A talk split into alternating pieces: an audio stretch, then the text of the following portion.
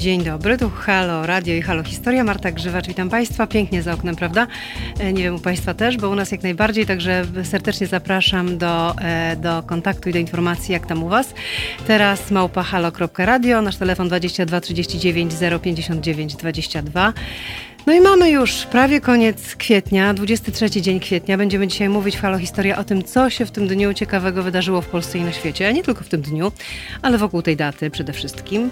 E, kwiecień to e, rocznica dla Warszawy szczególna, bo 19 kwietnia wybucha w Warszawie powstanie w getcie warszawskim w 1943 roku. Tych momentów w naszej historii pomijać nie wolno, dlatego zaprosiłam do nas dzisiaj pana Roberta Szuchtę, historyka związanego z Muzeum Historii Żydów Polskich Polin. Dzień dobry panie Robercie, czy się słyszymy? Słyszymy. Y, dzień dobry, dzień dobry, tak, słyszymy się. E, proszę Państwa, zachęcam do kontaktu, e, do oczywiście do wspierania nas myślą, mową i uczynkiem przede wszystkim.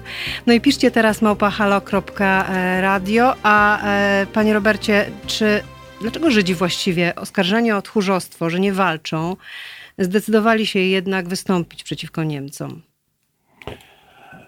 No po pierwsze warto powiedzieć, że mm, to nieprawda, że Żydzi y, są, byli, są y, tchórzami. Mamy bardzo wiele świadectw y, aktywności, przeciwstawiania się temu, co się działo z ludnością żydowską w czasie wojny, ale także jak sięgniemy do głębszej historii, żeby naprawdę bardzo daleko sięgnąć, nie wiem, chociażby do starożytności nawet, Masada, powstanie Bar Kochby.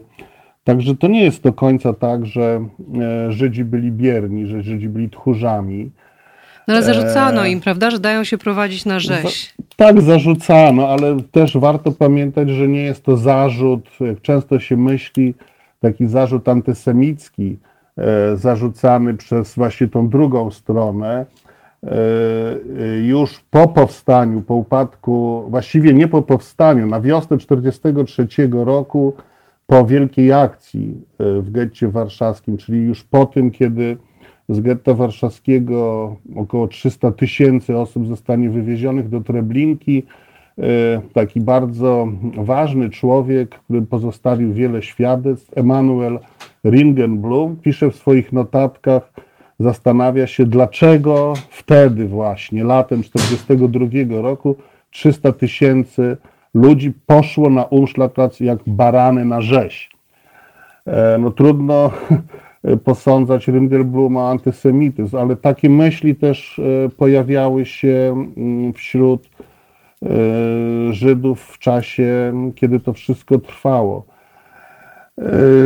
Co ostatecznie, no wiem, mamy... co ostatecznie powoduje, że oni decydują się jednak stanąć do walki? Który to jest moment? Och, to jest dosyć e, bardzo ciekawa w ogóle historia. Trzeba pamiętać, że Warszawa jest największym skupiskiem ludności żydowskiej już przed wojną w Europie, drugim co do wielkości na świecie po Nowym Jorku. W czasie wojny Niemcy tworzą w Warszawie największe getto w okupowanej Europie i w ogóle w okup na, na terenach okupowanych ziem polskich. Tutaj jest około 450 tysięcy ludzi, którzy właściwie są więźniami tego największego getta. Yy, są tutaj ludzie starzy, są tutaj dzieci, są tu ludzie chorzy, są ludzie o różnych poglądach politycznych, są tutaj ludzie o, o, o różnym nastawieniu religijnym. Naprawdę to jest bardzo zróżnicowane, e, bardzo zróżnicowane środowisko. Takim momentem przełomowym dla historii w ogóle getta warszawskiego jest lato 1942 roku. Od 22 lipca do 21 września 1942 roku Niemcy przeprowadzają tak zwaną wielką akcję, w wyniku której do Treblinki zostanie wywiezionych albo zabitych na miejscu około 300 tysięcy ludzi. W getcie jesienią 1942 roku jest, pozostaje około 50-60 tysięcy osób. Ale ci I, ludzie, e, przepraszam, i, że panu przerwę, panie Robercie, ci ludzie nie wiedzą tak naprawdę, przynajmniej na początku, nie wiedzą dokąd jadą, prawda? Dokąd są wywożeni. E, tak, na początku wielkiej akcji nie wiedzą, ale już w pierwszych dniach trwania wielkiej akcji pojawiają się w getcie uciekinierzy, pierwsi uciekinierzy z Treblinki, to jest gdzieś na przełomie lipca i sierpnia, do getta także przychodzą informacje od polskich kolejarzy, którzy prowadzą składy pociągów co najmniej do, y, y, które prowadzą składy pociągów i te informacje w tych pierwszych dniach rzeczywiście przychodzą. Pytanie jest takie, czy, czy getto wierzy w te informacje. Pewne środowiska tak, ale większość ludzi nie, dlatego że nie ma takiego doświadczenia, w doświadczeniu, nie ma takiego doświadczenia w ogóle dla ludzi, żeby można było masowo wywozić y, dzieci, kobiety, y, starców, po to tylko, żeby ich zabić, prawda? W taki niemalże przemysłowy, przemysłowy sposób. Ale w pierwszych dniach y, wielkiej akcji, tak jak mówię, na przełomie lipca i sierpnia, taka świadomość jest coraz bardziej powszechna. Jest jeszcze jeden, jeszcze jeden bardzo ważny moment, to są informacje, które przychodzą z innych get na okupowanych ziemiach polskich do Warszawy, o tym, że getta są likwidowane i że ludzie wywożeni są transportami kolejowymi do jakichś miejsc na wschodzie, z których nie wracają i od których nie ma już żadnych informacji, co się z nimi stało. Y, w noc sylwestrową z 41 na 42 rok w getcie w Wilnie grupa młodzieży żydowskiej, wśród której jest taki człowiek, nazywał się Abba Kowner, oni tam postanawiają utworzyć organizację zbrojną i bronić się, dlatego że uważają, że wywózki Żydów z getta wileńskiego do podwileńskich Ponar i mordowanie tam tych ludzi jest takim momentem, no już jakby to powiedzieć, ostatecznym. To już nie są represje, to nie są prześladowania, tylko to jest, no właśnie, tak jak to Niemcy nazywali, ostateczne rozwiązanie kwestii żydowskiej. Musimy się bronić. I to hasło z Wilna przychodzi też do Warszawy, że Żydzi w Wilnie postanawiają się bronić. I Warszawa jako duży bardzo ośrodek właśnie żydowski, tutaj dochodzi w czasie wielkiej akcji do no, założenia, prawda, w, w lipcu 1942 roku, to jest data początków tworzenia organizacji zbrojnej wśród młodych, wśród młodzieży żydowskiej. Myślę tutaj o żydowskiej organizacji bojowej. Ale była jeszcze druga, prawda? Te organizacje musiały się ze sobą jakoś dogadać, żeby wspólnie zacząć działać. Och, tak, ale one się nie bardzo dogadały. Jest jeszcze druga, Żydowski Związek Wojskowy. Stosunkowo mało wiemy na temat tej organizacji. Przetrwało bardzo mało świadectw na jej temat, mało źródeł, bardzo mało relacji, właściwie pojedyncze. Większość członków mm, Żydowskiego Związku Wojskowego y, po prostu nie przeżyła wojny. Ci, którzy wyszli pierwszych dniach powstania kanałem na ulicy Muranowskiej, czy na Placu Muranowskim, bo tam było takie centrum e, mm, walk, które prowadzili członkowie Żydowskiego Związku Wojskowego, po wydostaniu się na tak zwaną maryjską stronę, oni wkrótce zostali zadenuncjowani przez e, mieszkańców Polaków. Warszawy. Tak, tak, przez mieszkańców Warszawy, mhm. pod Warszawy właściwie, oni się przedostali poza, poza Warszawę. Oni nie przeżyli wojny po prostu. Także ta historia Żydowskiego Związku Wojskowego jest jeszcze do opowiedzenia. A jakie były siły powstańców? E, wolałbym, ja osobiście używam określenia bojownicy. I w ogóle to słowo samo powstanie, powstańcy, powstanie, walki powstańcze, no to jest osobny taki duży temat. Tych bojowników było stosunkowo niedużo. No, szacujemy lista, którą mm, y, Anka Grupińska, osoba, która chyba najbardziej się zajmowała y, tymi bojownikami y, żydowskiej organizacji bojowej, którą znalazła i opublikowała tą listę, ta lista mówi o 220 osobach. Około 200 osób szacuje się tak, że było w tym żydowskim związku wojskowym, 200-300. W każdym bądź razie, mm, jeżeli doliczymy do tego naprawdę bardzo wąskie, ale jednak istniejące grupy e, komunistyczne, które także walczyły, z PPR-u, które walczyły w getcie, no to liczbę tych bojowników szacuje się na 700 do 900 osób maksymalnie. Garsteczka. Garsteczka, tak. Wtedy w samym getcie jest około, jak mówię, 50 tysięcy 50 tysięcy ludzi, głównie młodych ludzi. Pytała Pani na początku, no, w jakim momencie ten, ta walka wybucha. Ja nie dokończyłem, a moim zdaniem to jest w ogóle kluczowa sprawa. Ta walka wybucha w momencie, kiedy w getcie ci młodzi ludzie, którzy mają często 17, 19, 21 lat, Mordechaj Janielewicz ma 23 lata, to jest bardzo młody człowiek, kiedy oni już nie mają rodzin, nie mają matek, ojców, młodszego rodzeństwa, kiedy y, ci ludzie najstarsi, ci, którzy byli niedołężni, ci, którymi oni się opiekowali, którzy zginęli już w Treblince. I oni właściwie zostają sami. To jest bardzo ważny, myślę, taki moment psychologiczny, który, który przesądzi, zadecyduje w ogóle o decyzji mm, wystąpienia zbrojnego.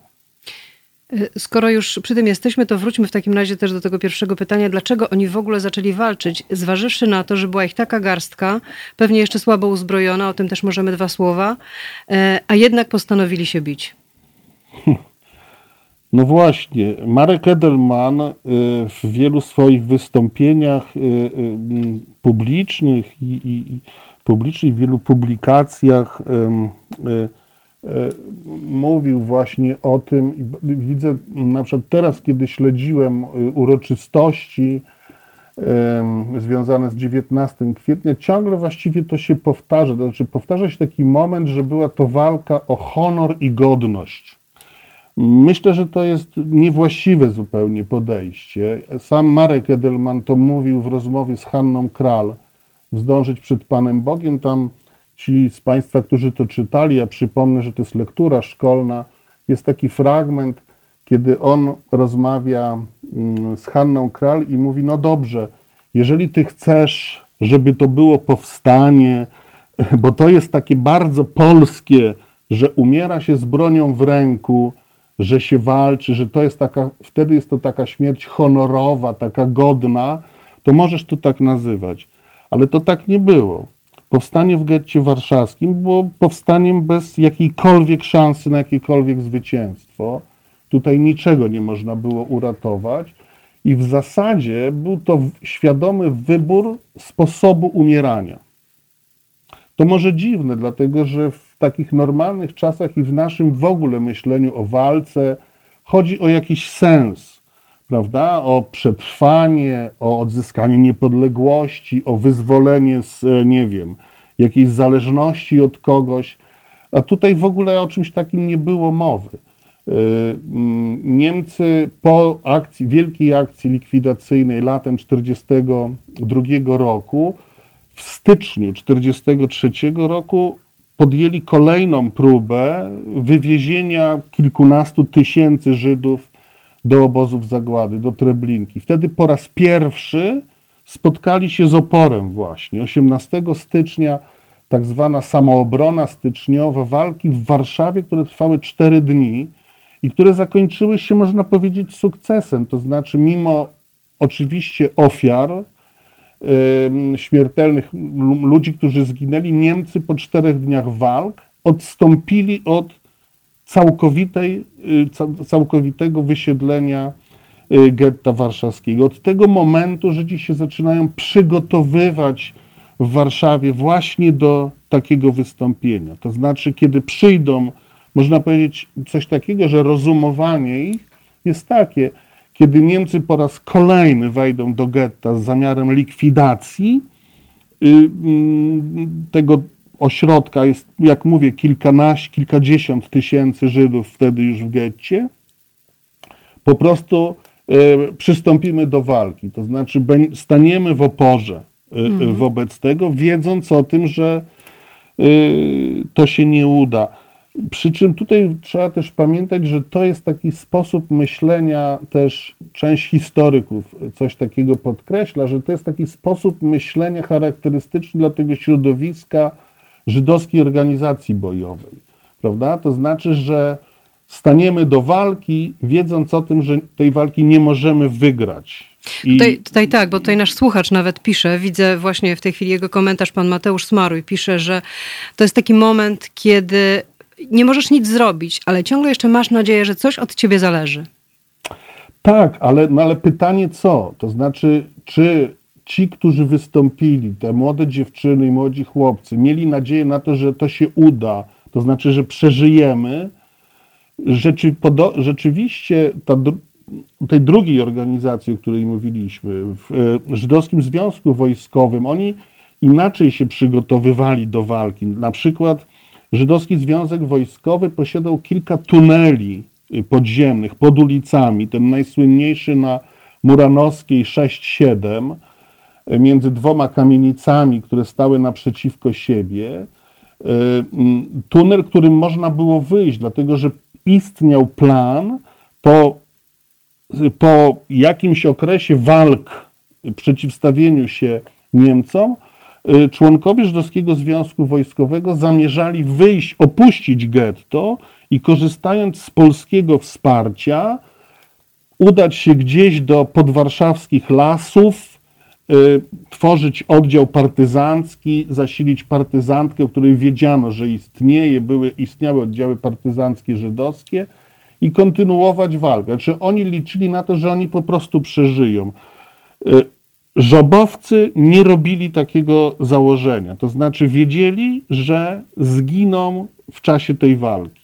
Stało się trochę odwrotnie, prawda? Jednak paru żobowców przeżyło. No tak, grupa, mhm. tak, około 30-40 tak. członków żobu. No to jest ta słynna historia z przejściem, z wyjściem takim strasznie długim, to 24 godziny trwało wychodzenie. Z kanałów. Mm, tak, z kanałów. Ta słynna historia z Kazikiem Ratajzerem, który przygotowywał to wyjście. On wyszedł trochę wcześniej z getta, żeby przygotować jakiś kontakt i właśnie wyjście tych żobowców. No i część, części udało się tak przetrwać, oni przeżyli hmm. wojnę. To jest sam Marek Edelman, właśnie Kazik Ratajzer, Cywia Lubetkin, y, także to, no tak, parę takich znanych osób, tak, rzeczywiście.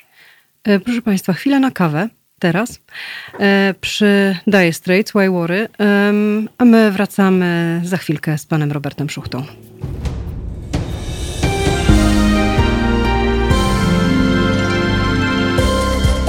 Halo Radio. Pierwsze medium obywatelskie.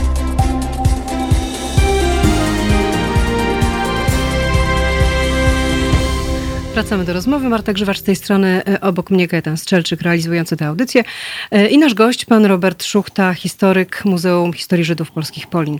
23 e, kwietnia, panie Robercie, Żydowska Organizacja Bojowa wydaje odezwę do polskiej ludności Warszawy i kolportuje tę odezwę po tak zwanej aryjskiej stronie. Ja przeczytam fragment, dobrze, jeśli pan pozwoli. Polacy, obywatele, żołnierze wolności, wśród huku armat, z których armia niemiecka wali do naszych domów, do mieszkań naszych matek, dzieci i żon. Wśród terkotu karabinów maszynowych, które zdobywamy w walce na tchórzliwych żandarmach i esesowcach. Wśród dymu pożarów i kurzu krwi mordowanego getta Warszawy.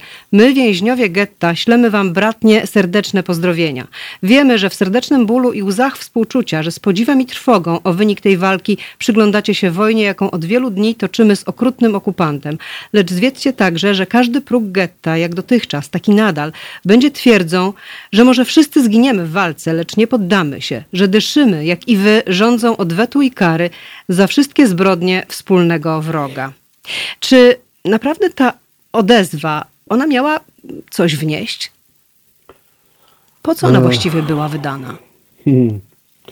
To jest, myślę, bardzo trudne pytanie, dlatego że to jest w ogóle pytanie o, o stosunek Warszawy, o stosunek warszawiaków, mieszkańców Warszawy po tej drugiej stronie muru do tego, co się działo co się działo w getcie.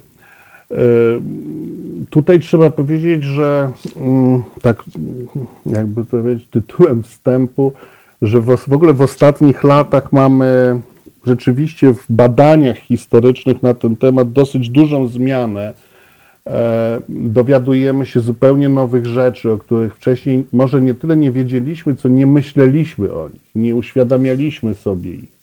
Wydawało nam się, że to nie jest, e, że, że, że pewne rzeczy można, można mm, gdzieś tam odsunąć na bok. To znaczy, myślę tutaj o tym, że panowało takie przekonanie, że Warszawa bardzo dobrze przyjęła e, walki w getcie. Zresztą ślad tego jest w tym tekście, który pani przed chwilą przytoczyła. Mm, to nie wyglądało tak, e, niestety, można powiedzieć. To Chyba Rachela Auerbach, tak. prawda, pisała, że... Och, bardzo prawda? dużo osób pisało, kiedy się czyta e, zapiski, które powstawały tam i wtedy, e, które, kiedy czytamy na przykład relacje Żydów, którzy w czasie trwania powstania ukrywają się po tak zwanej aryjskiej stronie na tak zwanej powierzchni. Chodzi o tych, którzy chodzili po ulicach Warszawy, e, robili jakieś zakupy, którzy, krótko mówiąc, którzy mieli dobry wygląd, mieli znajomych, mieli pieniądze, mieli porządne lokum, w którym mogli gdzieś tam się zatrzymać. I oni w czasie trwania e, walk przychodzą, tak jak i zwykli mieszkańcy Warszawy, szczególnie na początku, bo są jakby, jest zainteresowanie, y, no cóż takiego się tutaj dzieje, prawda? I w tym tłumie ludzi, którzy, którzy stoją dookoła getta i przyglądają się temu, co się stało, oni słyszą komentarze warszawiaków. Ja chcę przypomnieć tylko jeden, powiem szczerze, dla mnie jeden z najbardziej wstrząsających takich tekstów to jest Aliny Margolis, późniejszej żony Marka Edelmana. Alina Margolis, która pracuje w szpitalu, jest pielęgniarką, ona wychodzi z matką z getta na tak zwaną aryjską stronę przed wybuchem powstania. I kiedy powstanie wybucha w getcie, ona oczywiście wszystkich przyjaciół zostawiła po tej drugiej stronie zostawiła w getcie i ona przychodzi między innymi na Plac Krasińskich, na Bonifraterską i ona pisze w swoich wspomnieniach, że ona jest w tłumie zwykłych warszawiaków, którzy przychodzą tam zaciekawieni i ona słyszy, o czym oni mówią. I ona w swoich wspomnieniach pisze, że ona nie powie tego, o czym oni mówią, bo ona tego nie może wypowiedzieć. Ona nie może tego powtórzyć. Taki zresztą jest tytuł y, wydania jej tych zapisków. I to jest właśnie pytanie, cóż takiego Alina Margolis usłyszała? I to nie są pochlebne słowa, to nie są wyrazy empatii, współczucia, to bardzo często jest zadowolenie z tego, że Hitler załatwia za nas e, e, sprawy, które już dawno powinny być załatwione. To znaczy po prostu Żydów w Warszawie już nie będzie. Mhm, Są tak oczywiście jak, i znacznie gorsze określenia. E, wystarczy poczytać prasę podziemną. Zrobił to zresztą kiedyś e, Paweł Shapiro, pisząc wojnę żydowsko-niemiecką. To jest obszerny bardzo wybór z prasy, polskiej prasy konspiracyjnej w czasie trwania powstania w getcie. I te teksty w w miarę trwania powstania są coraz bardziej antysemickie. Czyli to bardzo dobrze właściwie, że Żydzi y, y, giną. Y, także takich wypowiedzi mamy naprawdę bardzo dużo. I myślę, żeby skomentować na koniec ten tekst, który pani przeczytała, tą odezwę, że jedna z ważniejszych w ogóle kwestii, w getcie warszawskim to było potworne poczucie osamotnienia. Ci ludzie czuli się samotni. Tutaj, że się posłużę słowami poety, oni się czuli tacy zapomnieni od świata. To fragment wiersza Czesława Miłosza. Znaczy jakby świat ich, o nich nie pamięta. To nikogo nie obchodzi, co tam się dzieje tak naprawdę. To nie jest nasza sprawa. To nie jest nasza sprawa. I to jest ten apel, y, ta odezwa Żobu jest taką próbą zwrócenia uwagi, prawda? To znaczy, świecie, zatrzymaj się, my tutaj jesteśmy, my walczymy. Oczekiwanie wsparcia, pomocy, przy czym bardzo często nie chodziło to o pomoc w broni, w amunicji, y, w żeby tu jakieś oddziały polskiego podziemia weszły. Tutaj chodziło o zwykłą ludzką empatię, o wyraz współczucia. Tego po prostu bardzo często nie było. Nie chcę powiedzieć, że nie było tego współczucia totalnie, ale jednak z relacji żydowskich przynajmniej, z getta warszawskiego, z tych od ludzi, którzy są poza gettem i słyszą, o czym rozmawiają warszawiacy, niestety taki obraz e, się wyłania. Tak, tutaj właśnie jeszcze wrócę do tej Racheli Auerbach, która pisze, że stoi, patrzy na to płonące getto, a ludzie tymczasem mówią, a to w getcie się pali, to nie ma znaczenia, co się najwyżej tak. denerwują się, prawda, że tramwaje nie kursują w tamtą stronę tak. na Żoliborz. Mhm, to są takie tak, reakcje. bardzo często tak, albo obawa przed tym, że płomienie płonącego getta przeniosą się, prawda, na polskie domy i bardziej zabieganie, zresztą dzisiaj to, my to wiemy, jak się zachowywała Straż Pożarna w tym czasie, że to raczej nie było gaszenie płonących domów w getcie, tylko dbanie o to, żeby płomienie nie przedostawały się na polskie domy właśnie w aryjskiej części y, y, y, Warszawy. Czy Warszawa w ogóle mogła pomóc mieszkańcom getta? W momencie, nie. kiedy już trwało powstanie. Mhm. Znaczy zależy o czym mówimy. Jeżeli mówimy o, o, o, taką pomoc zbrojną, prawda, którą oczekiwano by przede wszystkim od polskiego podziemia, były takie rozmowy przed kwietniem 1943 roku. Prowadzono takie rozmowy, wysyłano na aryjską stronę e, mm, mm, ludzi, którzy mieli nawiązać kontakt z polskim podziemiem. To wyglądało bardzo różnie. Trzeba pamiętać o kilku rzeczach. Po pierwsze, po pierwsze polskie podziemie w, nawet w 1943 roku na wiosnę nie było jeszcze w pełni zorganizowane.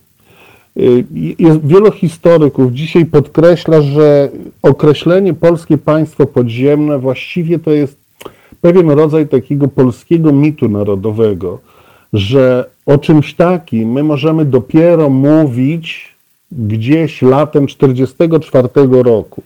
W 1942 czy w 1943 roku to jest wszystko w powijakach. Cały czas przecież trwa akcja scaleniowa. Nie wszystkie organizacje wojskowe, konspiracyjne podporządkowują się Komendzie Głównej Armii Krajowej. Sama Armia Krajowa jest dopiero właściwie w takim stadium tworzenia się kwestia uzbrojenia y, y, y, okręgu warszawskiego w ogóle Armii Krajowej, tutaj też to pozostawia bardzo wiele do życzenia. Jest taki list, który wysyła Mordechaj Janielewicz do komendanta głównego Armii Krajowej y, Grota Roweckiego właśnie w sprawie broni i zarzuca trochę y, Grotowi jakby no takie trochę postępowanie trochę jakby antysemickie, to znaczy brak tej broni, to, że Armia Krajowa nie chce wydać broni, y, Anielewicz to interpretuje jako taki przejaw właśnie w tą niewiarę, y, mm, że Żydzi będą potrafili dobrze zużytkować jakby tą, y, tą broń. Tutaj wspominana wcześniej przeze mnie akcja styczniowa dopiero ze stycznia 1943 roku będzie stanowiła rodzaj takiego takiego momentu zwrotnego, kiedy polskie podziemie jakby zysk, wyrobi sobie taką dobrą opinię o tym żydowskim podziemiu. Znaczy, że po pierwsze ono istnieje i że Żydzi rzeczywiście potrafią, rzeczywiście potrafią walczyć i że rzeczywiście dopiero wtedy, dopiero po styczniu 1943 roku do getta zostaje przekazana pewna ilość broni, ale ona jest absolutnie niewystarczająca. Ona jest, ja bym nawet określił, że ona jest nawet mniejsza niż symboliczna. E, ten list e, Anielewicza, o którym wspominałem, on jest właśnie z tego okresu i to jest e, związane z takim epizodem, że do getta zostają przekazane rewolwery. Z tego co pamiętam, w liczbie bodajże 10 i do nich amunicja, która niestety jest od innego kalibru broni i w ogóle nie pasuje do tego. Janielewicz pyta, czy to jest kpina z nas, że daliście nam broń, która jest bezużyteczna, z której nie, nie, można, nie, można, mm, nie można wykorzystać. Nasi słuchacze tutaj bardzo e, dzielnie komentują naszą rozmowę. E, pojawiają się takie głosy, że obojętność świadczy o winie. To chyba pani Kwiacia, ale jeszcze jest taki głos, yy, tak, to, nie, to jest strasznie ciekawe. Ja podam tylko jeden przykład. Kiedy trwa wielka akcja, gdzieś w okolicach na początku sierpnia, być może, że to jest trochę związane z głośną taką sprawą, wywiezieniem do Treblinki sierocińca Janusza Korczaka, to przypomnę 5 sierpnia 1942 roku, Zofia Kossak-Szczucka, bardzo ważna postać polskiego podziemia, y, pisze tak zwaną odezwę, y, w której, y, tutaj tak będę cytował z pamięci, w której ona mówi coś, te, ona po pierwsze ta odezwa jest szczerą deklaracją antysemitki. Ona pisze tam, że Żydzi są naszymi wrogami i tymi wrogami pozostaną. Ale tam jest taki fragment, taki akapit, w którym ona mówi, że Żydzi są także ludźmi. My jesteśmy chrześcijanami. Jako chrześcijanie nie możemy zachowywać się biernie wobec zbrodni, która dzieje się na naszych oczach. I jest tam, ten akapit kończy takie zdanie, że kto jest bierny, kto w ogóle nie reaguje, ten przyzwala na taką zbrodnię, na takie zło, które się dokonuje wobec. I w tym, w ten, w tym sensie jest współodpowiedzialny za to zło właśnie. Tak? I to, to jest właśnie ten moment. To znaczy, bierność w tym momencie jest przyzwoleniem na zło, a więc ci, którzy przyzwalają na zło, są współodpowiedzialni za zaistnienie tego zła. Ja myślę, że to jest myśl szalenie uniwersalna i aktualna do dnia dzisiejszego. Szmul Zygielboim e, w proteście przeciwko tej tak. obojętności popełnia samobójstwo. No nie tylko w proteście, no tak, w proteście przeciwko w ogóle milczeniu świata, można powiedzieć. Tu oczywiście jest problem informowania świata o zagładzie. Znowu temat, e, który w tej chwili dopiero tak naprawdę jest, jest, jest badany, wielu nowych rzeczy się dowiadujemy. On był zmitologizowany, bo nieprawdą jest, że że Jan Karski był pierwszym człowiekiem, który poinformował świat o zagładzie. E, ale rzeczywiście, polskie państwo podziemne, czy polskie w ogóle podziemie, Armia Krajowa, delegatura, różne agendy e, tworzącego się polskiego państwa podziemnego, no w różny sposób przekazują informacje na Zachód do, do swoich koalicjantów o także sytuacji ludności żydowskiej. Dzisiaj wiemy, że to przekazywanie tych informacji w 40, już w 42 i w 43 roku szło dosyć opornie. Strona polska, co jest w jakimś sensie zrozumiałe, o wiele bardziej była zainteresowana na przykład trwającą wtedy no tak pełnym rozpętem akcją na Zamojszczyźnie i bardziej była zainteresowana represjami wobec ludności polskiej i Żydzi jakby nie mieścili się w tej wspólnocie, y, y, y, wspólnocie, już nie mówię narodowej, ale wspólnocie obywatelskiej. Niestety.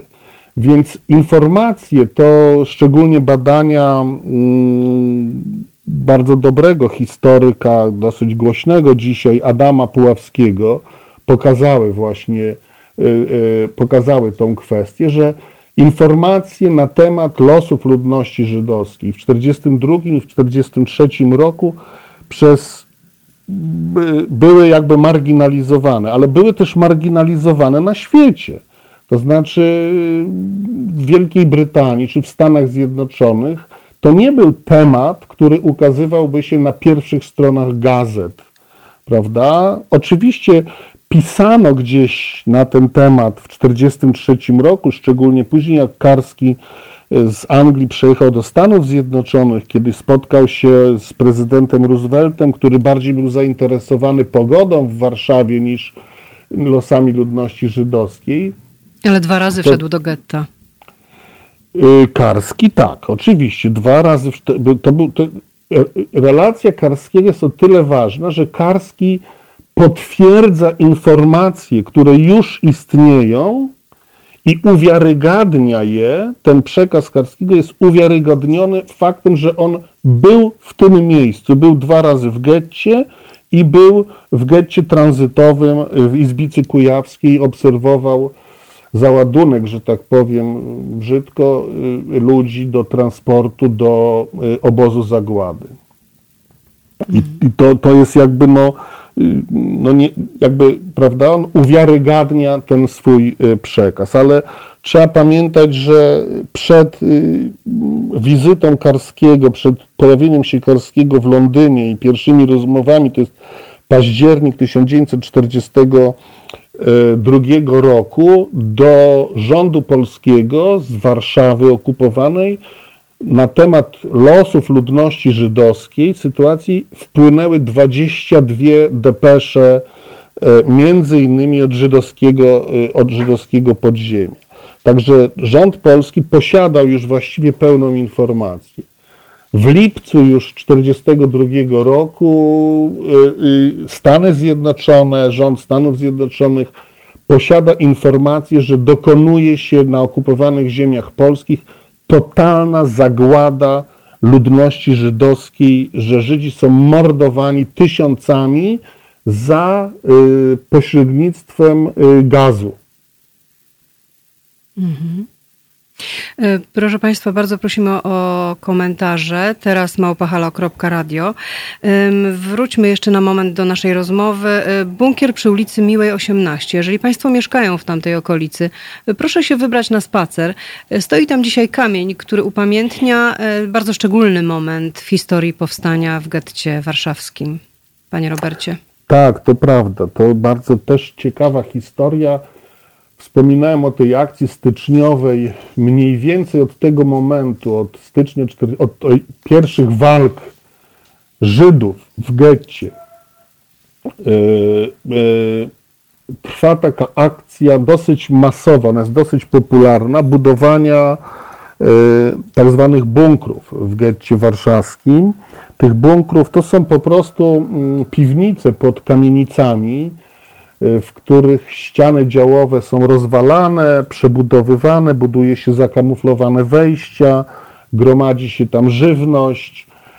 Y, Żydzi się przygotowują do zejścia, że tak powiem, właśnie do tych bunkrów. Tych bunkrów powstanie około 600 y, na terenie getta warszawskiego. Różne środowiska, różne, bo mm, kto mógł zbudować y, taki bunkier, prawda? Jakaś, nie wiem, właśnie organizacja młodzieżowa, jakieś, jakieś grupy ludzi i między innymi taki bunkier, o, której pani, o którym pani wspomina na Miłej 18, to jest bunkier wybudowany przez takie środowisko przestępcze w getcie, przez grupę złodziei, szmuglerów, handlarzy, y, tam są prostytutki także, i, i, I to jest taki, dzisiaj byśmy określili właśnie margines społeczny. I kiedy komenda żobu traci swój bunkier, w którym, jeśli dobrze pamiętam, na ulicy Franciszkańskiej, oni przychodzą właśnie do tych, do tych, do tej, do tej do tego ludzi, półświadka. Tak, do tego półświadka. I rzeczywiście toczą się rozmowy i oni mówią, ok, dobrze, jest tutaj miejsce także dla was, zmieścicie się, no i tam rzeczywiście wchodzi grupa, grupa osób za Nielewiczem. Część wtedy, kiedy ten bunkier zostanie wykryty przez Niemców, to jest 8 maja 1943 roku, części osób z żobu, właśnie między innymi z Markiem Edelmanem, z Cywiem Lubeckim, ich nie będzie e, wtedy w tym bunkrze. Tam jest grupa około 60 osób z żobu, no i Niemcy otaczają pięć wtedy znanych wejść do tego bunkra, wrzucają tam y, jakieś gazy, granaty, no i pozostaje podjęta decyzja o, o, o, o popełnieniu samobójstwa, rzucona przez Jurka Wilnera, takiego chłopaka, który miał bardzo dobry wygląd, w ogóle bardzo często wychodził wcześniej, był takim łącznikiem między gettem a aryjską stroną. On najpierw strzela do swojej matki, później do siebie wszyscy popełniają samobójstwo, z wyjątkiem kilkunastu osób, kilku może właściwie osób, które notabene przeżyją. To jest też taka ironia losu. Okaże się, że w tym bunkrze jest szóste wyjście, z którego, którego Niemcy nie znaleźli i ta grupa stamtąd się później uratuje. Oni wyjdą tego 10 maja z Edelmanem właśnie na, e, na ulicy Prostej w Warszawie, to o czym mówiliśmy wcześniej, właśnie to, to, to wyjście tej, tej grupy bojowników. A jak w ogóle Niemcom udało się znaleźć e, te wejścia? My tego nie wiemy. My tego nie wiemy. Jest, jest, y, jest kilkanaście lat temu ukazała się taka, no nie wiem, taka, taka e, taki pogląd sformułowany przez dziennikarzy, że prawdopodobnie była to zdrada Rzeczywiście w raporcie Jurgena Stropa, Strop y, w tych raportach dziennych, które później złożył swoim zwierzchnikom, pisze, że on miał jakichś Żydów, którzy z nim współpracowali w czasie powstania w getcie i donosili o różnych, o różnych sytuacjach. Być może, że coś takiego miało miejsce, że ktoś zdradził po prostu, i, i, no i to było na skutek zdrady. No. Ale czy tak było, tego, tego nie wiemy. Nie sądzę, żebyśmy się kiedykolwiek dowiedzieli. W każdym razie z raportu Sztropa wynika tak jakby dwa, bym powiedział, tropy. Pierwszy trop, że byli jacyś no, konfidenci, byli jacyś współpracownicy czy kolaboranci, Niemców po żydowskiej stronie, którzy donosili o, o, o tym, gdzie, kto, w jakim miejscu się ukrywa i tak dalej. A z drugiej strony też Sztrop pisze, że oddziały niemieckie biorące udział w tłumieniu powstania nabywają z dnia na dzień coraz większego doświadczenia w wyszukiwaniu tych bunkrów. On właściwie codziennie w, tak, w tym jego zbiorczym raporcie, w tych codziennych meldunkach jest informacja, ile bunkrów zostało danego dnia odkrytych i zlikwidowanych. I opatruję to takim komentarzem, że właśnie to jest związane z tym, że oddziały niemieckie nabywają doświadczenia w wyszukiwaniu tych, tych, yy, tych bunkrów. Nasz słuchacz, pan Bogusław S., pisze, że Polska nie odrobiła lekcji, panie Robercie. E, no nie wiem w jakim sensie nie no, W tym sensie, że, że, mamy powtórkę z rozrywki trochę, to znaczy nie mamy powstań jeszcze i get, ale, ale mamy e, dość mocno nacjonalistyczne i antysemickie nastroje. No mamy. Ja nie chciałbym tego komentować, to znaczy myślę, że to, ja, to jest... Tak, ja bym to... chciał zostać w tym 43 roku w Warszawie, w płonącym getcie, razem, razem z tymi no, samotnie umierającymi ludźmi. Dzisiaj nie, ba, nie bardzo się podejmuje ani komentować, ani rozmawiać na ten temat. Bardzo panu serdecznie dziękuję za tę rozmowę. Nasz dziękuję pięknie. Pozdrawiam i wszystkiego dobrego. Dziękuję. Dziękuję też Państwu za komentowanie tej rozmowy y, i polecam się oczywiście na kolejną godzinę. Teraz małpa halo.radio, nasz telefon 22 39 059 22. No i oczywiście bądźcie z nami, wspierajcie nas jak potraficie najlepiej. No zagrajmy teraz tych skorpionsów, Kajtek, Wind of Change, chociaż na ten Wind of Change ciągle trzeba czekać.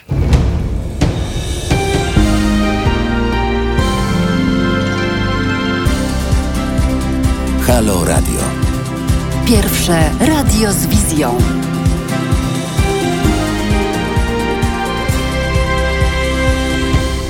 Zanim zaprosimy naszego kolejnego gościa, to mamy jeszcze chwilkę, to zerknijmy w takim razie na to, co ciekawego wydarzyło się na świecie w taki dzień jak dzisiaj. 23 kwietnia 1919 roku sowiecka Czeka w ramach walki z zabobonami nakazuje dekretem otwarcie wszystkich relikwii znajdujących się w cerkwiach na terenie Rosji radzieckiej. Jest to forma oczywiście no, z jednej strony represji wobec duchownych, ale oficjalnie celem akcji jest udowodnienie fałszywości rozpowszechnianego przez rosyjski kościół prawosławny poglądu, iż ciała świętych z reguły nie ulegają po ich śmierci rozkładowi. Ozdobne relikwiarze zawierające okryte płótnem ciała świętych znajdowały się w bardzo wielu rosyjskich cerkwiach e, i wszystkie je kazano pootwierać. Łatwo się zorientować, co znaleziono w środku, ale bardzo wielu osób, w tym oczywiście chłopów rosyjskich, e, to wcale nie przekonało. E, chłopi sobie to tłumaczyli tym, że właściwie była to interwencja samych świętych, którzy nie życzyli sobie po prostu, żeby zaglądano do ich trumien. Wobec tego e, uchronili swoje ziemskie ciała przed profanacją i zawczasu zamienili je w nagie kości lub słomę. 23 kwietnia 1956 roku został aresztowany wiceminister w Ministerstwie Bezpieczeństwa Publicznego Roman Romkowski. To właśnie on w 1947 roku przesłuchiwał w 10 pawilonie więzienia Mokotowskiego rotmistrza Witolda Pileckiego. On też zbierał papiery na Gomułkę i Romkowskiemu postawiono zarzut torturowania zatrzymanych i kopiowania metod Ławrentija Berry w polskich organach bezpieczeństwa. Pamiętajmy, że to się dzieje już oczywiście po śmierci Stalina. To aresztowanie było też spowodowane wydarzeniami, które nastąpiły w grudniu 1953 roku, gdy podczas misji w Berlinie uciekł na zachód wysoki funkcjonariusz e, Ministerstwa Bezpieczeństwa Publicznego Józef Światło. Władze komunistyczne zaczęły wtedy oczywiście szukać winnych i natychmiast odwołany został e, szef e, MBP Stanisław Radkiewicz, a po tym jak Światło zaczął opowiadać także na antenie Radia Wolna Europa o zbrodniach popełnianych przez stalinowski reżim, Bierut rozwiązał samo ministerstwo i zwolnił bezpośredniego przełożonego Światły Anatola Fejgina. To była druga osoba, której głowa poleciała w tym momencie. Jemu też zarzucono torturowanie. Co najmniej 28 osób w okresie od 50 do 53 roku. Aresztowany został też inny stalinowski zbrodniarz Józef Różański. Obaj z Romkowskim dostali po 15 lat więzienia, Fejgin 12. Wszyscy na skutek aktu łaski wyszli na wolność przed czasem w 1964 roku. 23 kwietnia 60 roku, mamy okrągłą rocznicę, otwarto studencki klub pod Jaszczurami w Krakowie. Błyskawicznie oczywiście stał się jednym z najmodniejszych miejsc w Krakowie, tnętniło tam życie kulturalno-towarzyskie, odbywały się poranki poetyckie, przedstawienia teatralne, spotkania z politykami, koncerty. Wejść tam można było tylko z legitymacją studencką i jak chłopak chciał zaimponować dziewczynie, to zabierał ją właśnie pod Jaszczury. 23 kwietnia czyli dzisiaj, obchodzimy Światowy Dzień Książki i Praw Autorskich. Jest to wyjątkowe święto dla wszystkich miłośników książek i bibliofilów i obchodzone jest e, w tym razem po raz 25, ponieważ Światowy Dzień Książki i Praw Autorskich ustanowiono w 1995 roku. Dlaczego akurat 23 kwietnia? Otóż data ta wybrana została jako symboliczna dla literatury światowej, ponieważ w tym dniu, w roku 1616, e, zmarł Miguel de Cervantes i William Shakespeare. Pomysłodawcą organizowania tego Światowego Dnia Książki był wydawca z Walencji Vincente Clavel Andes i początkowo planowano związać je z datą urodzin Cervantesa. No ale data była niepewna, wobec tego zdecydowano się, że będzie to data śmierci, bardziej pewna, 23 kwietnia. E, w związku z sukcesem tego święta UNESCO postanowiło stworzyć tytuł Światowej Stolicy Książki, która przyznaje, który przyznaje co roku. No i właśnie pierwszym miastem, które otrzymało ten tytuł e, był Madryt, a 24 czerwca 2014 roku Wrocław. W tym roku pewnie żadna impreza się nie odbędzie, no niestety, wszystko jest jasne. Plenerowa w każdym razie nie, no ale życie czytelnicze również przeniosło się online. Jestem bardzo ciekawa, co Państwo czytają i czy w ogóle cokolwiek, i czy e-booki, czy może jednak wolicie książki tradycyjne. E, piszcie, dzwońcie, telefon 22 39 059 22. Teraz małpa halo.radio. E, a ja też za moment będę miała autora. Autorem e, będzie pan Grzegorz Piątek, który jest historykiem architektury i architektem a także autorem e, książki Najlepsze miasto świata. O tym już po 18.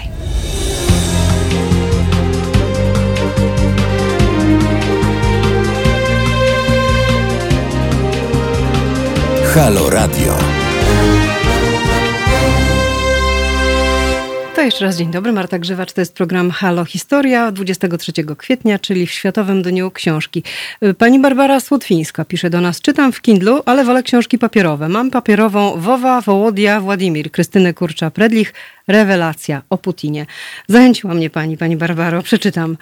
E, proszę państwa, e, teraz przenosimy się z roku 43, gdy pożegnaliśmy walczących i ginących mieszkańców warszawskiego getta. Jesteśmy w naszej historii dwa lata później.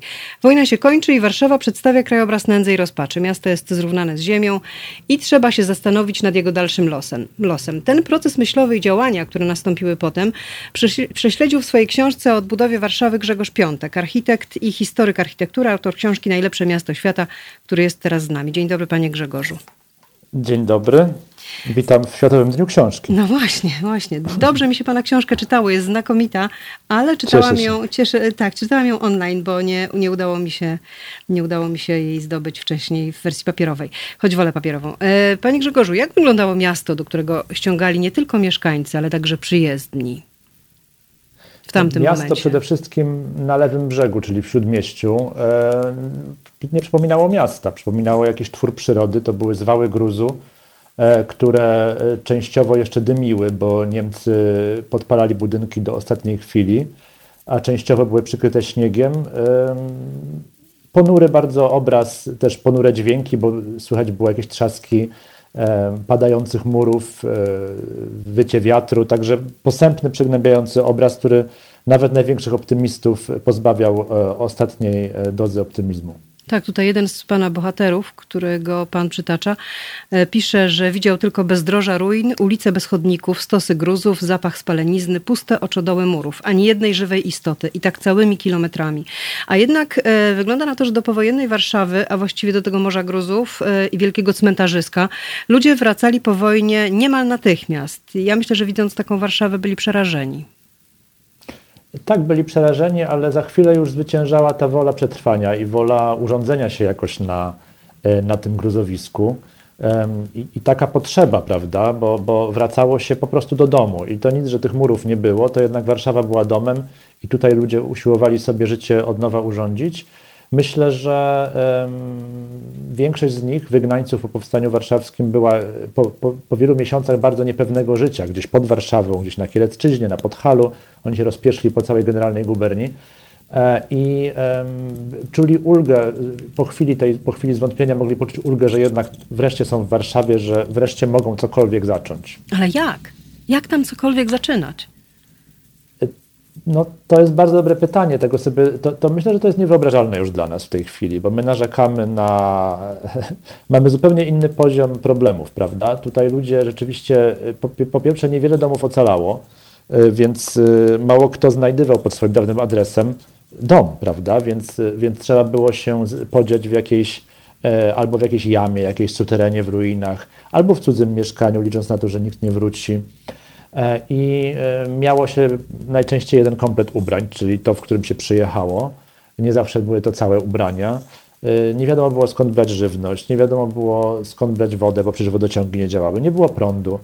Ale no, w tych jaskiniowych warunkach ludzie z dnia na dzień ten byt sobie usiłowali e, polepszać e, tak, tak jak, jak się dało. No, momentalnie rozkwitł handel, e, handel też tymi używanymi rzeczami, rzeczami wygrzebanymi z ruin. Dużo, dużą taką akcję opiekuńczą też rozwijało w miarę możliwości miasto, Czerwony Krzyż, organizowano noclegownie. Także no, z dnia na dzień miasto jednak wracało do pozorów normalności. A skąd ludzie mieli pieniądze na życie wtedy? To jest bardzo dobre pytanie, zwłaszcza, że o ile się nie mylę, za chwilę nastąpiła wymiana pieniędzy y, z tych okupacyjnych na, na powojenne, co, co wywołało dodatkową e, komplikację. Y, no, Bardzo dużo wtedy załatwiano jednak e, bez, bezgotówkowo. To znaczy, po pierwsze, istniał duży handel wymienny, poważny handel wymienny, a po drugie, znów instytucje rozwija, rozwijały działalność opiekuńczą. To znaczy, warszawiacy, którzy mieli pracę, w, na przykład w instytucjach, które wracały do Warszawy, tutaj się instalowały w ministerstwach, e, w jakichś e, e, instytucjach kultury. Dla nich na przykład organizowano stołówki momentalnie, tak żeby ludzie, którzy nie mają gotówki praktycznie, dostawali chociaż raz dziennie miskę zupy albo i, i kawałek chleba, niekoniecznie posmarowany czymkolwiek. Także tak samo jak potem w trakcie odbudowy duże znaczenie miała praca społeczna, którą trudno wycenić i dary, e, tak tutaj duże znaczenie miało po prostu e, taka, taka bezgotówkowa, bezgotówkowy handel i opieka. Pierwsze wraca do życia Praga, prawda? Bo tam e, no, te, zniszczenia są stosunkowo niewielkie w porównaniu z drugą stroną Wisły. Tak, i dlatego też zaczynam swoją opowieść nie w roku 45, jak nakazywałby Tylko 44. odruch, kiedy, Mhm. tylko w 44, tak, bo wtedy, kiedy na lewym brzegu Wisły jeszcze dogasało powstanie, e, Praga została wyzwolona przez wojska radzieckie i polskie i tutaj zaczęło na Pradze e, wracać życie. Ono było oczywiście też bardzo dalekie od normalności, bo to było zaplecze frontu. E, Trwał ostrzał z lewego brzegu, i, ale jednak ludzie zaczynali też właśnie wracać też już na prawy brzeg, na, na Pragę.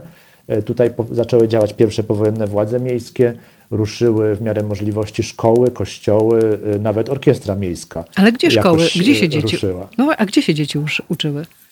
Dzieci się uczyły albo w ocalałych gmachach szkolnych, bo naprawdę, tak jak pani zauważyła słusznie, zabudowa jednak nie była tak zniszczona jak na, na drugim brzegu, albo organizowano takie komplety, można powiedzieć jeszcze po okupacyjnemu, po prywatnych mieszkaniach, salkach parafialnych, w jakichś większych pomieszczeniach.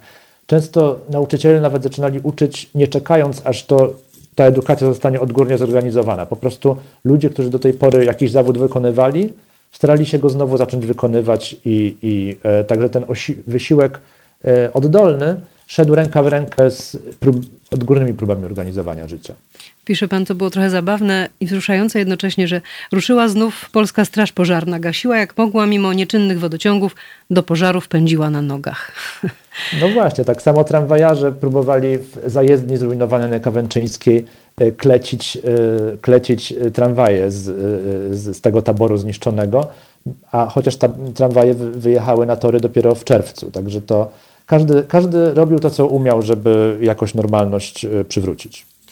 E, pisze pan, że właściwie odbudowa stolicy mm, miała nie tyle jednoczyć naród, e, co tak naprawdę jednoczyć go pod nową władzą, pod sztandarem nowej władzy i przeciwko starej.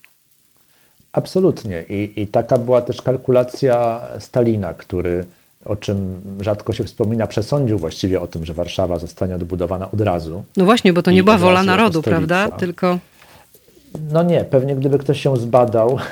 Ciekawe swoją drogą, jakie byśmy mieli wyniki, gdyby przeprowadzono wtedy sondaż albo uczciwe referendum, ale ani jedno, ani drugie nie było możliwe. Na pewno warszawiacy sobie życzyli szybkiej odbudowy, natomiast eksperci y, niezwiązani emocjonalnie z miastem nie mieli takiego przekonania, bo, bo rzeczywiście państwo miało y, o wiele więcej problemów niż, niż tylko Warszawa.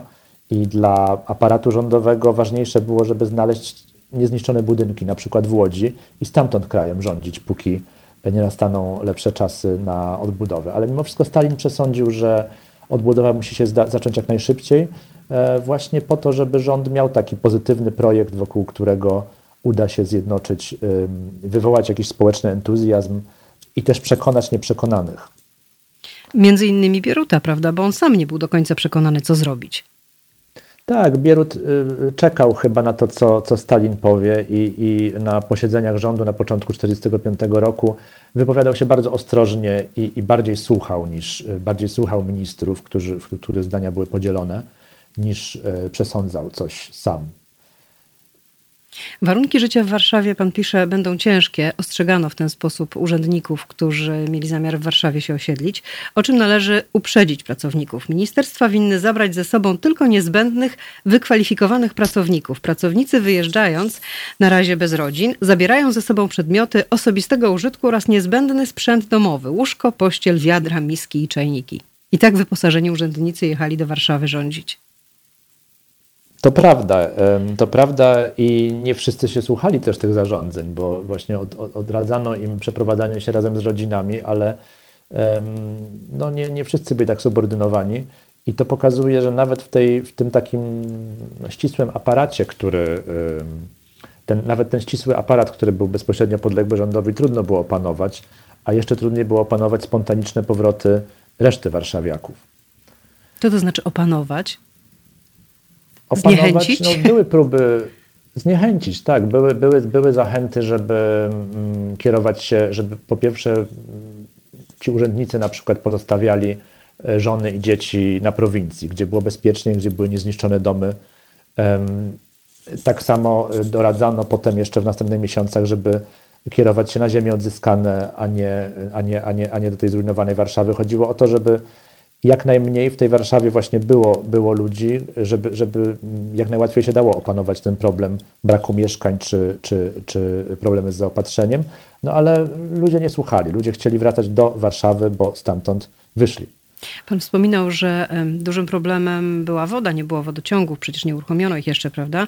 I tutaj opisuje Pan sytuację, kiedy jest grupa ludzi obradujących na jakimś zebraniu e, i usłużny ordynans przynosi przemawiającemu premierowi rarytas, czyli szklankę wody. Osóbka Morawski zdążył wypić połowę, a na drugą połowie łapczywie rzucił się siedzący obok minister.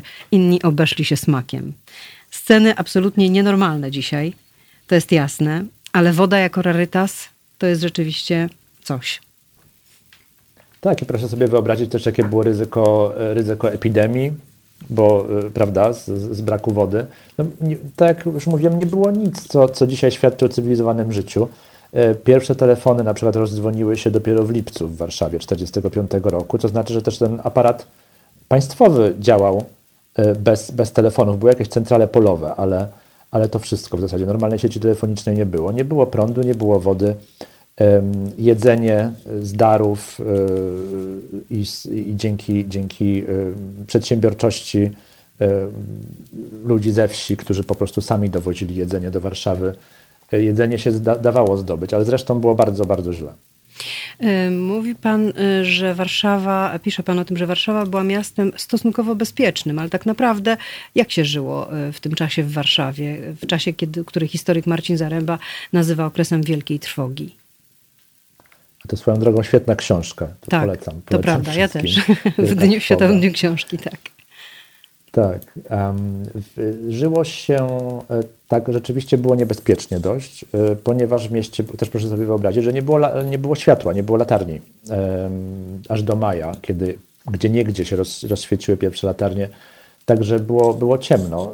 I, I, jeśli ktoś czytał Tyrmanda Złego, zakładam, że, że wielu z Państwa czytało, i tam są sceny, prawda, gdzie jacyś e, gangsterzy czy, czy inni bandyci czyhają w ruinach to ta książka się dzieje na początku lat 50., kiedy już w miarę miasto było cywilizowane. A proszę sobie wyobrazić, co się działo właśnie w roku 45, kiedy latarnie nie świeciły w ogóle. Także bardzo łatwo było stracić e, e, portfel, zdrowie albo życie gdzieś w tych ruinach. Też niesamowite jest to, że to życie się odradzało właściwie wśród mogił. Że te stragany, które wykwitały od razu na ulicach, na Marszałkowskiej, na Chmielnej, na, na, na Targowej, często y, wykwitały tuż obok jeszcze nieekshumowanych mogiłek. Także to, to, to, ten splot życia ze śmiercią, tej jeszcze niedawnej tragedii z taką wolą życia, taką wolą zaczynania od nowa, z żywotnością, był, był niesamowity, niewyobrażalny chyba dla nas w tej chwili. Y, I mieszkało się też bardzo długo byle gdzie, to znaczy ta, takie, takie pomieszkiwanie w ruderach, w ruinach, które w każdej chwili mogło się zawalić na, na, na głowę i waliły się często. Prawda? Był taki przypadek to na Wilczej. To była norma w Warszawie chyba. jeszcze przez lata. Tak, na Wilczej, ale to, to była taka najgłośniejsza katastrofa. Zresztą 22 lipca 1945 roku, także pier, na pierwsze święto odrodzenia Polski w prezencie się taka, um, oczywiście ironizuję, katastrofa zdarzyła bo to dla propagandy duży kłopot jednak, jak coś takiego się w święto e, zdarzy. E, było, często bywało, że w czasie wichur czy, e, czy burz kamienice, które wydawały się jeszcze całkiem, całkiem zdatne do zamieszkania, zawalały się do końca, ponieważ te, te, te mury nie wytrzymywały. One, one, proszę pamiętać, że po powstaniu Warszawa całą zimę stała pusta, Także nawet jeśli jakiś dom ocalał, to on namiękał, e, zamarzał, rozmarzał. To dla murów jest bardzo niedobre i, e, i powodowało, że, że potem w roku 45, 6, 7 te katastrofy budowlane się zdarzały co parę tygodni i e, też zachęcały do tego, żeby te resztki jak najszybciej usuwać dla, dla bezpieczeństwa publicznego. Tutaj była o tyle trudna sytuacja, że zdecydowano, że ten dom jest bezpieczny, prawda? Mówię o tej Wilczej 29. Tak, tak. Tylko, że należy pamiętać, że te pierwsze szacunki, e, takie te inwentaryzacje zniszczeń, były robione w, tuż po wyzwoleniu, w dużym pośpiechu, bo, bo trzeba było jak najszybciej to miasto zlustrować i, i zdecydować mniej więcej, które budynki się nadają, a które nie nadają. E, I siłą rzeczy pewne oceny były, były pochopne. Z drugiej strony zdarzały się odwrotne przypadki, kiedy pewne domy wydawało się, że, że nie wytrzymają, a jednak wytrzymywały. Także, także takie, takie wypadki się zdarzały. Słuchają Państwo Halo Radio. Oczekujemy Państwa e, wsparcia e, w każdym momencie i w każdej chwili, w każdej dziedzinie, myślą, umową i uczynkiem, jak wspomniałam na początku. E, teraz małpa halo.radio. Prosimy również o komentarze. Wracamy do Was po piosence. Będzie śpiewał pewien pan, który miał o Warszawie sen.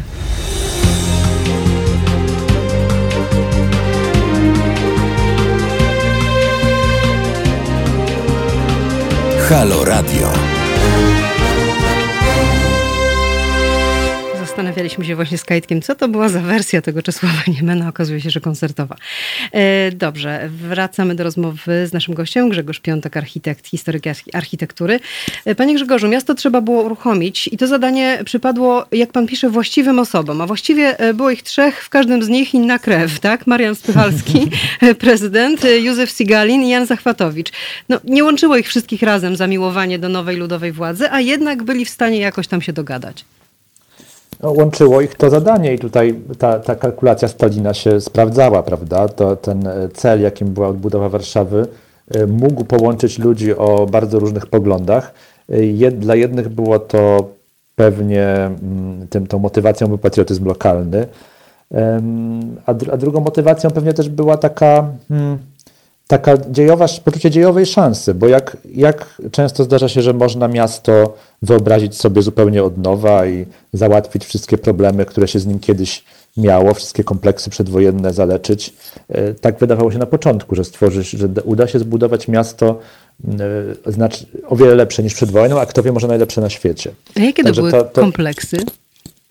Oj, było ich mnóstwo. E, po pierwsze takie, że Warszawa jest brzydka, Znamy dużo pięknych pocztówek przedwojennej Warszawy, ale jednak tych pięknych miejsc było dość mało. E, po drugie, że Warszawa nie wygląda na stolicę, że ma mało takich przestrzeni monumentalnych, reprezentacyjnych, że nawet jeśli ma jakieś piękne gmachy państwowe czy pałace, to one są utopione w przypadkowej zabudowie.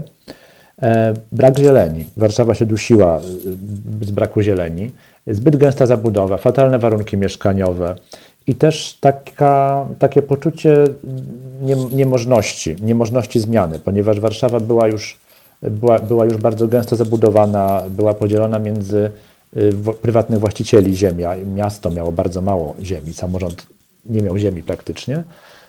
To trudno było sobie wyobrazić jakieś radykalne zmiany. E, przebijanie nowych ulic, czy, czy sadzenie wielkich parków. E, tutaj urbaniści, architekci i samorządowcy mieli, mieli dużo świetnych planów przed wojną, ale bardzo małe szanse ich realizacji. I dzięki temu zniszczeniu ogromnemu, a potem dzięki e, komunalizacji gruntów, czyli tak zwanemu dekretowi Bieruta, wydawało się, że uda się na tej czystej planszy zaplanować miasto prawie zupełnie od nowa. Jaki był powojenny pomysł na Warszawę? Bo wiemy, że Norymberga całkowicie zniszczona powstała właściwie na nowo, ale po staremu, prawda? Czyli odtworzono jej zabytkową substancję. Rotterdam po zburzeniu wybudowano właściwie od nowa już jako całkowicie nowoczesne miasto. A Warszawa? w pół drogi między tymi dwiema, tymi dwiema wizjami. To znaczy, ja już mówiłem o tych kompleksach przedwojennych i, i, i chodziło o to, żeby je załatwić, żeby miasto e, otworzyć, żeby otworzyć jego przestrzeń, żeby je zazielenić, żeby stało się bardziej funkcjonalne i wygodniejsze do życia, ale jednocześnie jednak nie zapominano e, o, o tej warstwie zabytkowej, o tradycji. I od początku było wiadomo, że Warszawa nie może wrócić jako zupełnie nowe miasto, e, tylko że potrzebuje tych takich, można powiedzieć, symbolicznych kotwic w postaci Starego Miasta, krakowskiego przedmieścia, tych wszystkich magnackich pałaców, łazienek itd., tak itd. Tak z tym, że one też muszą być piękniejsze niż przed wojną. Tutaj też konserwatorzy widzieli szansę na to, żeby, e, żeby zniszczenia wykorzystać do tego, żeby zabytki poprawić, żeby one były albo w takiej formie e, jak pierwotnie w XVIII-XVII wieku, zanim XIX je popsuto, przebudowano, rozbudowano, albo nawet e, w hipotetycznej jakiejś formie, tak jak katedra, to jest mój ulubiony przykład, katedra na Starym Mieście, która przed wojną była neogotycka, przedtem miała formę barokową. E, natomiast Jan Zachwatowicz, który był takim głównym rozgrywającym, jeśli chodzi o, o konserwację zabytków w Warszawie po wojnie i w całej Polsce zresztą, zdecydował, że ona wróci do swojej hipotetycznej gotyckiej formy z XV wieku i właściwie wymyślił fasadę od nowa, ponieważ nie było żadnych przekazów, nie było wiadomo, jak ona wyglądała pierwotnie. On na zasadzie takiego naukowego domysłu ją od nowa zaprojektował i powiedział, no to jest taki gotyk, jak mógł być w XV wieku. A jaki wpływ na kształt Warszawy miała polityka? Bo miała. No gigantyczny, gigantyczny, e, bo, bo przecież, e, jak już wspomniałem, nie byłoby odbudowy Warszawy, gdyby nie czysto, gdyby nie czysto polityczna kalkulacja. E, I z tym, że z drugiej strony nie wolno widzieć tego projektu jako takiego jakiegoś czysto politycznego wymysłu. To znaczy w tych pierwszych powojennych latach architektom i urbanistom dano dość wolną rękę. Oczekiwano od nich rozmachu, oczekiwano od nich wizji, natomiast ideolodzy komunistyczni za bardzo się nie wtrącali. Ułatwiało to to, że, że często te cele nowej władzy były zbieżne z celami urbanistów, prawda?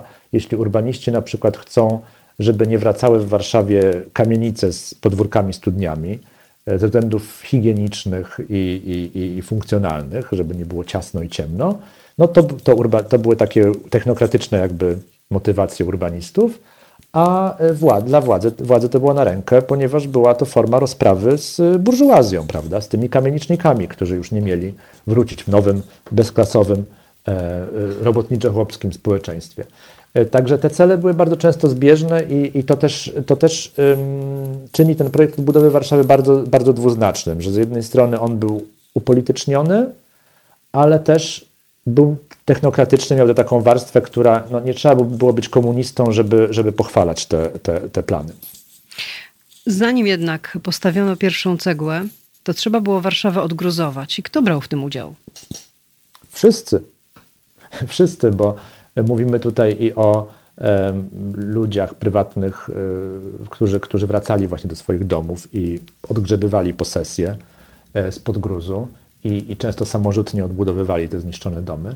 E, mówimy też o zorganizowanych brygadach pracowników budowlanych, mówimy o wojsku, mówimy o studentach, właśnie ludziach uczestniczących w jednodniowych czynach społecznych albo w takich ochotniczych batalionach, które, które były też sposobem trochę na zagospodarowanie takiego ukrytego bezrobocia. Także wszyscy właściwie uczestniczyli w tym, w tym odgruzowywaniu. Y, I, I, to była taka praca, ponieważ ona jest bardzo nieskomplikowana y, od strony technologii, prawda? Budowanie już wymaga jakiegoś znastwa, jakiegoś fachu. To, to dawało rzeczywiście się wszystkich do tego, do tego zaprzęgnąć. Ale też jeńców wojennych, prawda? I jeńców, tak, zapomniałem o jeńcach niemieckich, no właśnie, którzy oni mieli najgorszą tak, robotę. Tak, tak. Mieli najgorszą robotę, ich, ich też bardzo chętnie używano do ekshumacji. Używano ich też do, do takich niewinnych prac, jak remonty w gmachach państwowych, jak obrabianie pól gdzieś pod Warszawą w PGR-ach, ale, ale, ale rzeczywiście ekshumacje i ciężkie odgruzowywanie, zwłaszcza w dzielnicy dawnej e, żydowskiej, w dzielnicy północnej, gdzie też jeńców skoszarowano, co było takim chichotem historii, prawda, że na, na, na gruzach getta, gdzie Niemcy y, naj, najwię, największych okrucieństw się dopuścili, w dzielnicy, którą zrównali z ziemią kompletnie. Mówimy o Muranowie, tak? Ich, dzisiejszym Tak, Muranowie. o Muranowie. O Muranowie, tak, przy Gęsiej, czyli dzisiejszej Anielewicza. Na tyłach dzisiejszego Muzeum Polin było takie dawne więzienie, które, które zamieniono na, na obóz dla, dla jeńców. On działał bodajże aż do 1949 roku e, i e, był częścią takiej sieci, która obejmowała całą Polskę, ale w Warszawie szczególnie dużo jeńcy mieli do, do roboty i też towarzyszyło, ponieważ no, zrozumiałe towarzyszyło takie poczucie odwetu po wojnie Polakom, prawda? Były akcje na przykład zbierania niemieckich książek po to, żeby je przerabiać na pulpę, na makulaturę i, i, i drukować na tym papierze polskie książki i gazety, także takie symboliczne gesty. I tak samo y, właśnie te y, y, Polakom, warszawiakom taką, taką, taką, to za, załatwiało taką potrzebę rewanżu, prawda? Potrzebę odwetu. To jeśli widzieli Niemców, jak, czy Volksdeutschów, jak odbudowują Warszawę, czy odgruzowują, czy jak schumują. A co było nagrodą dla śmiałków, o której tutaj pan pisze? Nie będę podpowiadał. No, dobrze, no, zaraz wyczerpiemy wszystkie anegdoty z książki. Ale A, tak, to dlatego pan tak delikatnie. Nie, nie, no to ostatnia doszperałem się, doszperałem się w archiwum takich no, śmieszno-strasznych dokumentów, kiedy zrozpaczony minister zdrowia bodajże podczas posiedzenia rządu apeluje o przydział wódki dla ekshumujących. Tysiąca litrów. Były, tysiąca litrów wódki, ponieważ no, były, ta praca była najbardziej niewdzięczna. I, i, i, I, trzeba było szczególnej motywacji po to, żeby zachęcić śmiałków do, do, do podjęcia się tej pracy, no i pewnie też, żeby znieczulić ich trochę mm, emocjonalnie, prawda? Czy my w tym roku, dobrze pamiętam, obchodzimy rok Jana Zachwatowicza? Tak, Chyba jest tak, taka prawda? inicjatywa. Jest taka inicjatywa. Niewiele się wokół tego dzieje, jak wokół tak samo roku warszawskiej odbudowy, bo, który miasto ogłosiło. A to przecież bo, też bo prawie okrągła rocznica, prawda? 75. 7, tak, tak. A Zachwatowicza to jest 120 rocznica, chyba urodzin. urodzin. Mhm. Tak, Tak, a jego zasługi jednak są dość spore dla odbudowy Warszawy. ogromne i nie tylko zresztą Warszawy, bo on w roku, y, wkrótce po wojnie został też generalnym konserwatorem zabytków na Polskę, także odpowiadał też za wizję odbudowy Gdańska na przykład czy Poznania. Nie projektował nic własnoręcznie, ale y, do niego należało ostatnie słowo. E, Zachwatowicz był architektem, który już przed wojną pracował przy konserwacjach i odbudowach zabytków, między innymi przy takim bardzo y, ciekawym projekcie odsłaniania murów obronnych Starego Miasta, bo one były, o czym nikt już nie pamięta, kompletnie niewidoczne przed wojną. One były obudowane nowszymi kamienicami i pod okiem Zachwatowicza parę lat przed wojną zaczął się proces rozbierania tych nowszych kamienic i odsłaniania średniowiecznych murów. I po wojnie rzeczywiście on był wśród pierwszych y, architektów, do których trafili organizatorzy Biura, Odbudowy Biura Organizacji Odbudowy Warszawy, tak to się nazywało, i, i, i zwerbowali go do pracy nad odbudową. I to on właśnie był twórcą, on odpowiadał za wizję odbudowy warsza- warszawskich zabytków jako szef e, Wydziału Architektury Zabytkowej w Biurze Odbudowy Stolicy, potem jako ten generalny konserwator zabytków. To on na przykład był głównym ideologiem, który stał za tą ideą poprawiania zabytków, prawda, czy, czy tego zgadywania formy ich pierwotnej w imię piękna, w imię harmonii i czystości stylu. Panie Grzegorzu, ostatnie pytanie, czy udało się stworzyć to najlepsze miasto świata? Ach, to każdy sobie codziennie może w Warszawie odpowiadać na to pytanie. Na pewno nie najlepsze, ale y, no, najdroższe na pewno mojemu sercu, jako, jako y, lokalnemu patriocie, ale na pewno znacznie lepsze niż przed wojną. I to, to, to trzeba powtarzać, że życie w Warszawie przedwojennej było nieznośne pod względem funkcjonalnym, higienicznym i tak dalej. I ta piękna Warszawa, którą znamy z pocztówek, była dostępna y, dla niewielu. I to nie jest tak, że wszyscy od dancingu do kabaretu limuzynami jeździli, neony świeciły, ordonka śpiewała. E, Większość warszawiaków żyła bardzo podle i rzeczywiście tę jakość życia w mieście udało się bardzo podciągnąć. Warszawa jest miastem e, znacznie zieleńszym e, i znacznie, mm, ze znacznie wygodniejszymi mieszkaniami i z piękniejszymi zabytkami. Też pamiętajmy, że ten nowy świat, stare miasto, ta stara Warszawa jest tak naprawdę zupełnie nowa, wymyślona od nowa po wojnie, że był to pewien em, świadomy proces i, i, i do, powinniśmy doceniać to, jak dobrze to zostało zmyślone. Tutaj jest pytanie, ilu jeńców niemieckich odbudowywało Warszawę, ale my już chyba nie bardzo mamy na to czas. E, chyba, że pan króciutko odpowie. Czy wiadomo, Ani nawet jeńców? nie ma, nie ma tych Nie liczb. ma danych. Nie ma tych liczb. Nie ma nie, nie, ponieważ oni, odpły, oni, oni e, byli zwożeni, przewożeni między obozami. Trudno to, trudno to bardzo zrekonstruować, ale to były tysiące. Panie Grzegorzu, bardzo dziękuję. Państwu polecam najlepsze miasto świata w Światowym Dniu Książki. Mam nadzieję, że my się jeszcze kiedyś spotkamy w Halo Radio. Pozdrawiam serdecznie. Ja też mam E. taką nadzieję. Dziękuję bardzo. Do usłyszenia. Ja wracam za chwilę i znowu przerwa na kawę.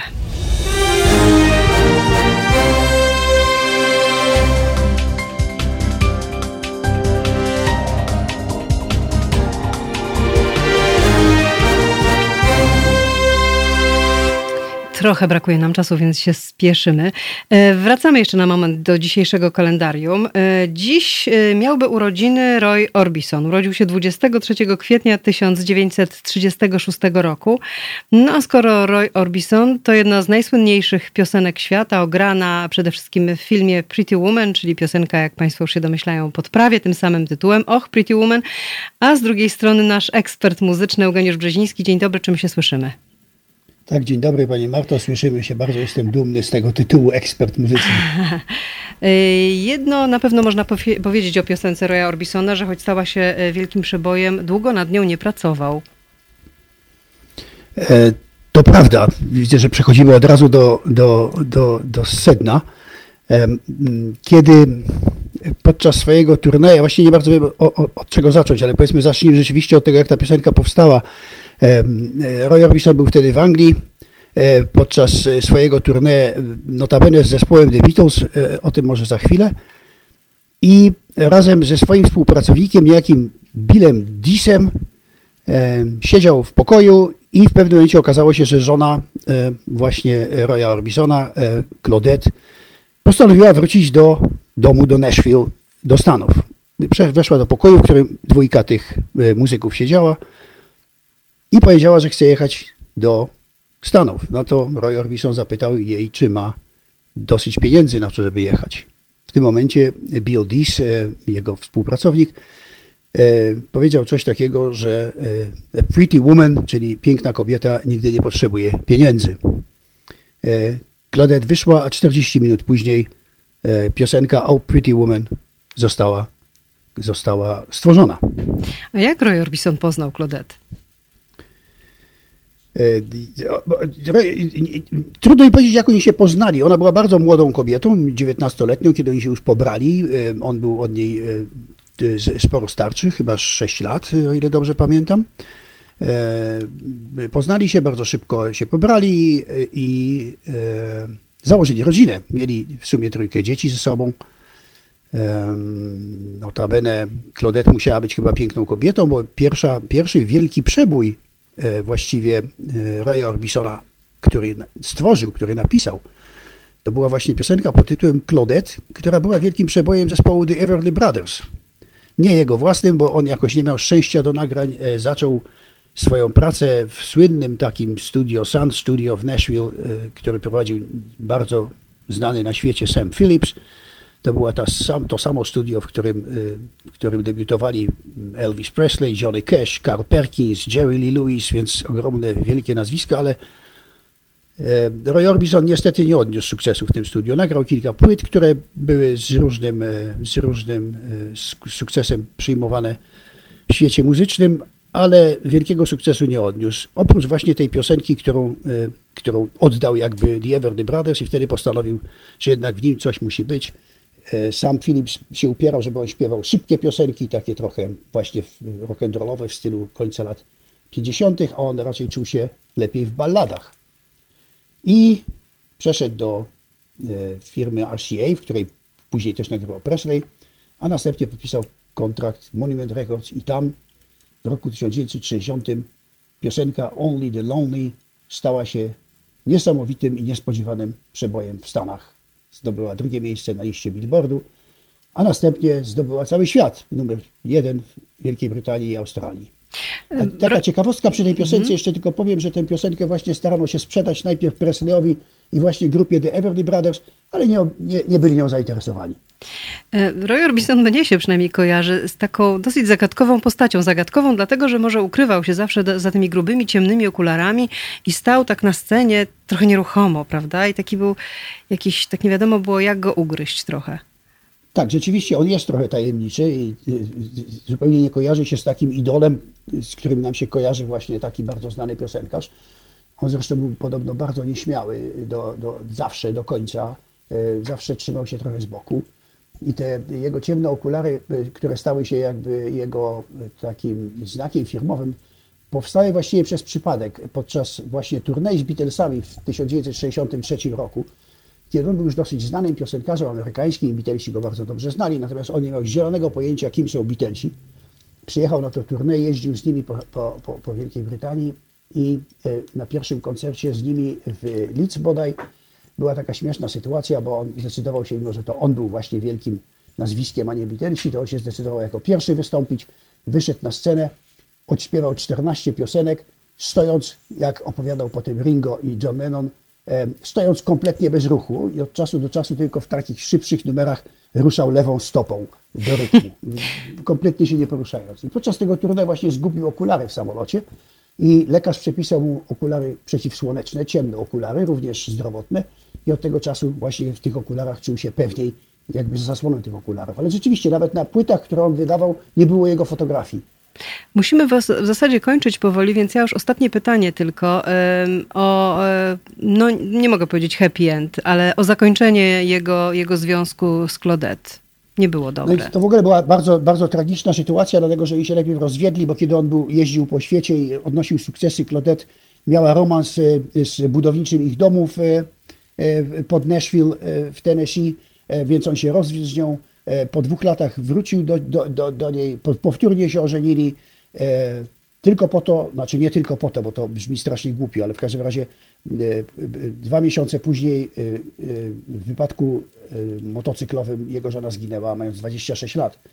A żeby to wszystko jeszcze, te, tego, tego nieszczęścia dołożyć, to w 1968 roku we wrześniu podczas jego kolejnego e, tournée e, zapalił się jego dom, w którym zginęło dwóch jego synów. Więc rzeczywiście człowiek miał pecha i dziwnego, że śpiewał bardzo smutne piosenki przez, e, przez całe życie. E, Za to bardzo pięknym głosem. Notabene tak, właśnie jego głos był czymś zupełnie wyjątkowym, potrafił podobno śpiewać, y, miał zakres czterech oktaw. I tutaj na koniec może wobec tego, skoro już nie mamy czasu na inne ciekawe rzeczy, bo było dużo ciekawych rzeczy w jego życiu i myślałem, że uda nam się coś o tym opowiedzieć, ale pewnie Warszawa była zdecydowanie ciekawsza w tym programie, więc się wcale nie dziwię. W każdym razie e, przytoczę na koniec głos e, Boba Dylana, który w moim własnym tłumaczeniu, bo niestety znalazłem to tylko w wersji oryginalnej, napisał coś takiego, kiedy się słuchało Roya, nie wiadomo było, czy to mariaki jest, czy opera. Jego głos trzymał cię w napięciu. Brzmiał, jakby śpiewał stojąc na Olimpie. Nagle zaczął śpiewać swoich, swoje piosenki, używając głosu w trzech czy czterech oktawach, co powodowało, że człowiek chciał się zastrzelić. Śpiewał jak zawodowy zabójca. Jego głos powalał trupem. Powodował, że mruczałeś pod nosem coś w rodzaju no, nie wierzę. Normalnie nie wierzę. Tak mówił Bob Dylan, który zresztą ostatnią płytę z, z Traveling Wilburys, z, właśnie z Rayem Orbisonem, ostatnią płytę Raya Orbisona e, też nagrał razem z nim. Bardzo, bardzo dziękuję. Eugeniusz Brzeziński. No to może w takim razie posłuchajmy tego cudownego anielskiego głosu. Jest szansa, że nas nie zabije. Roy Orbison, Pretty Woman. Ja się z Państwem żegnam do Czy mogę jeszcze coś powiedzieć? Czy mogę jeszcze jedną- jedną Następ... rzecz Nie, już nie. Następnego nie. tygodnia. Dziękuję bardzo. Do widzenia. Do widzenia. To proste. Żeby robić medium prawdziwie obywatelskie, potrzebujemy Państwa stałego wsparcia finansowego. Szczegóły na naszej stronie www.halo.radio, w mobilnej aplikacji na Androida i iOS-a oraz na koncie Fundacji Obywatelskiej w serwisie www.patronite.pl. Naszym darczyniom i darczyńcom serdecznie dziękujemy. www.halo.radio. Słuchaj na żywo, a potem z podcastów.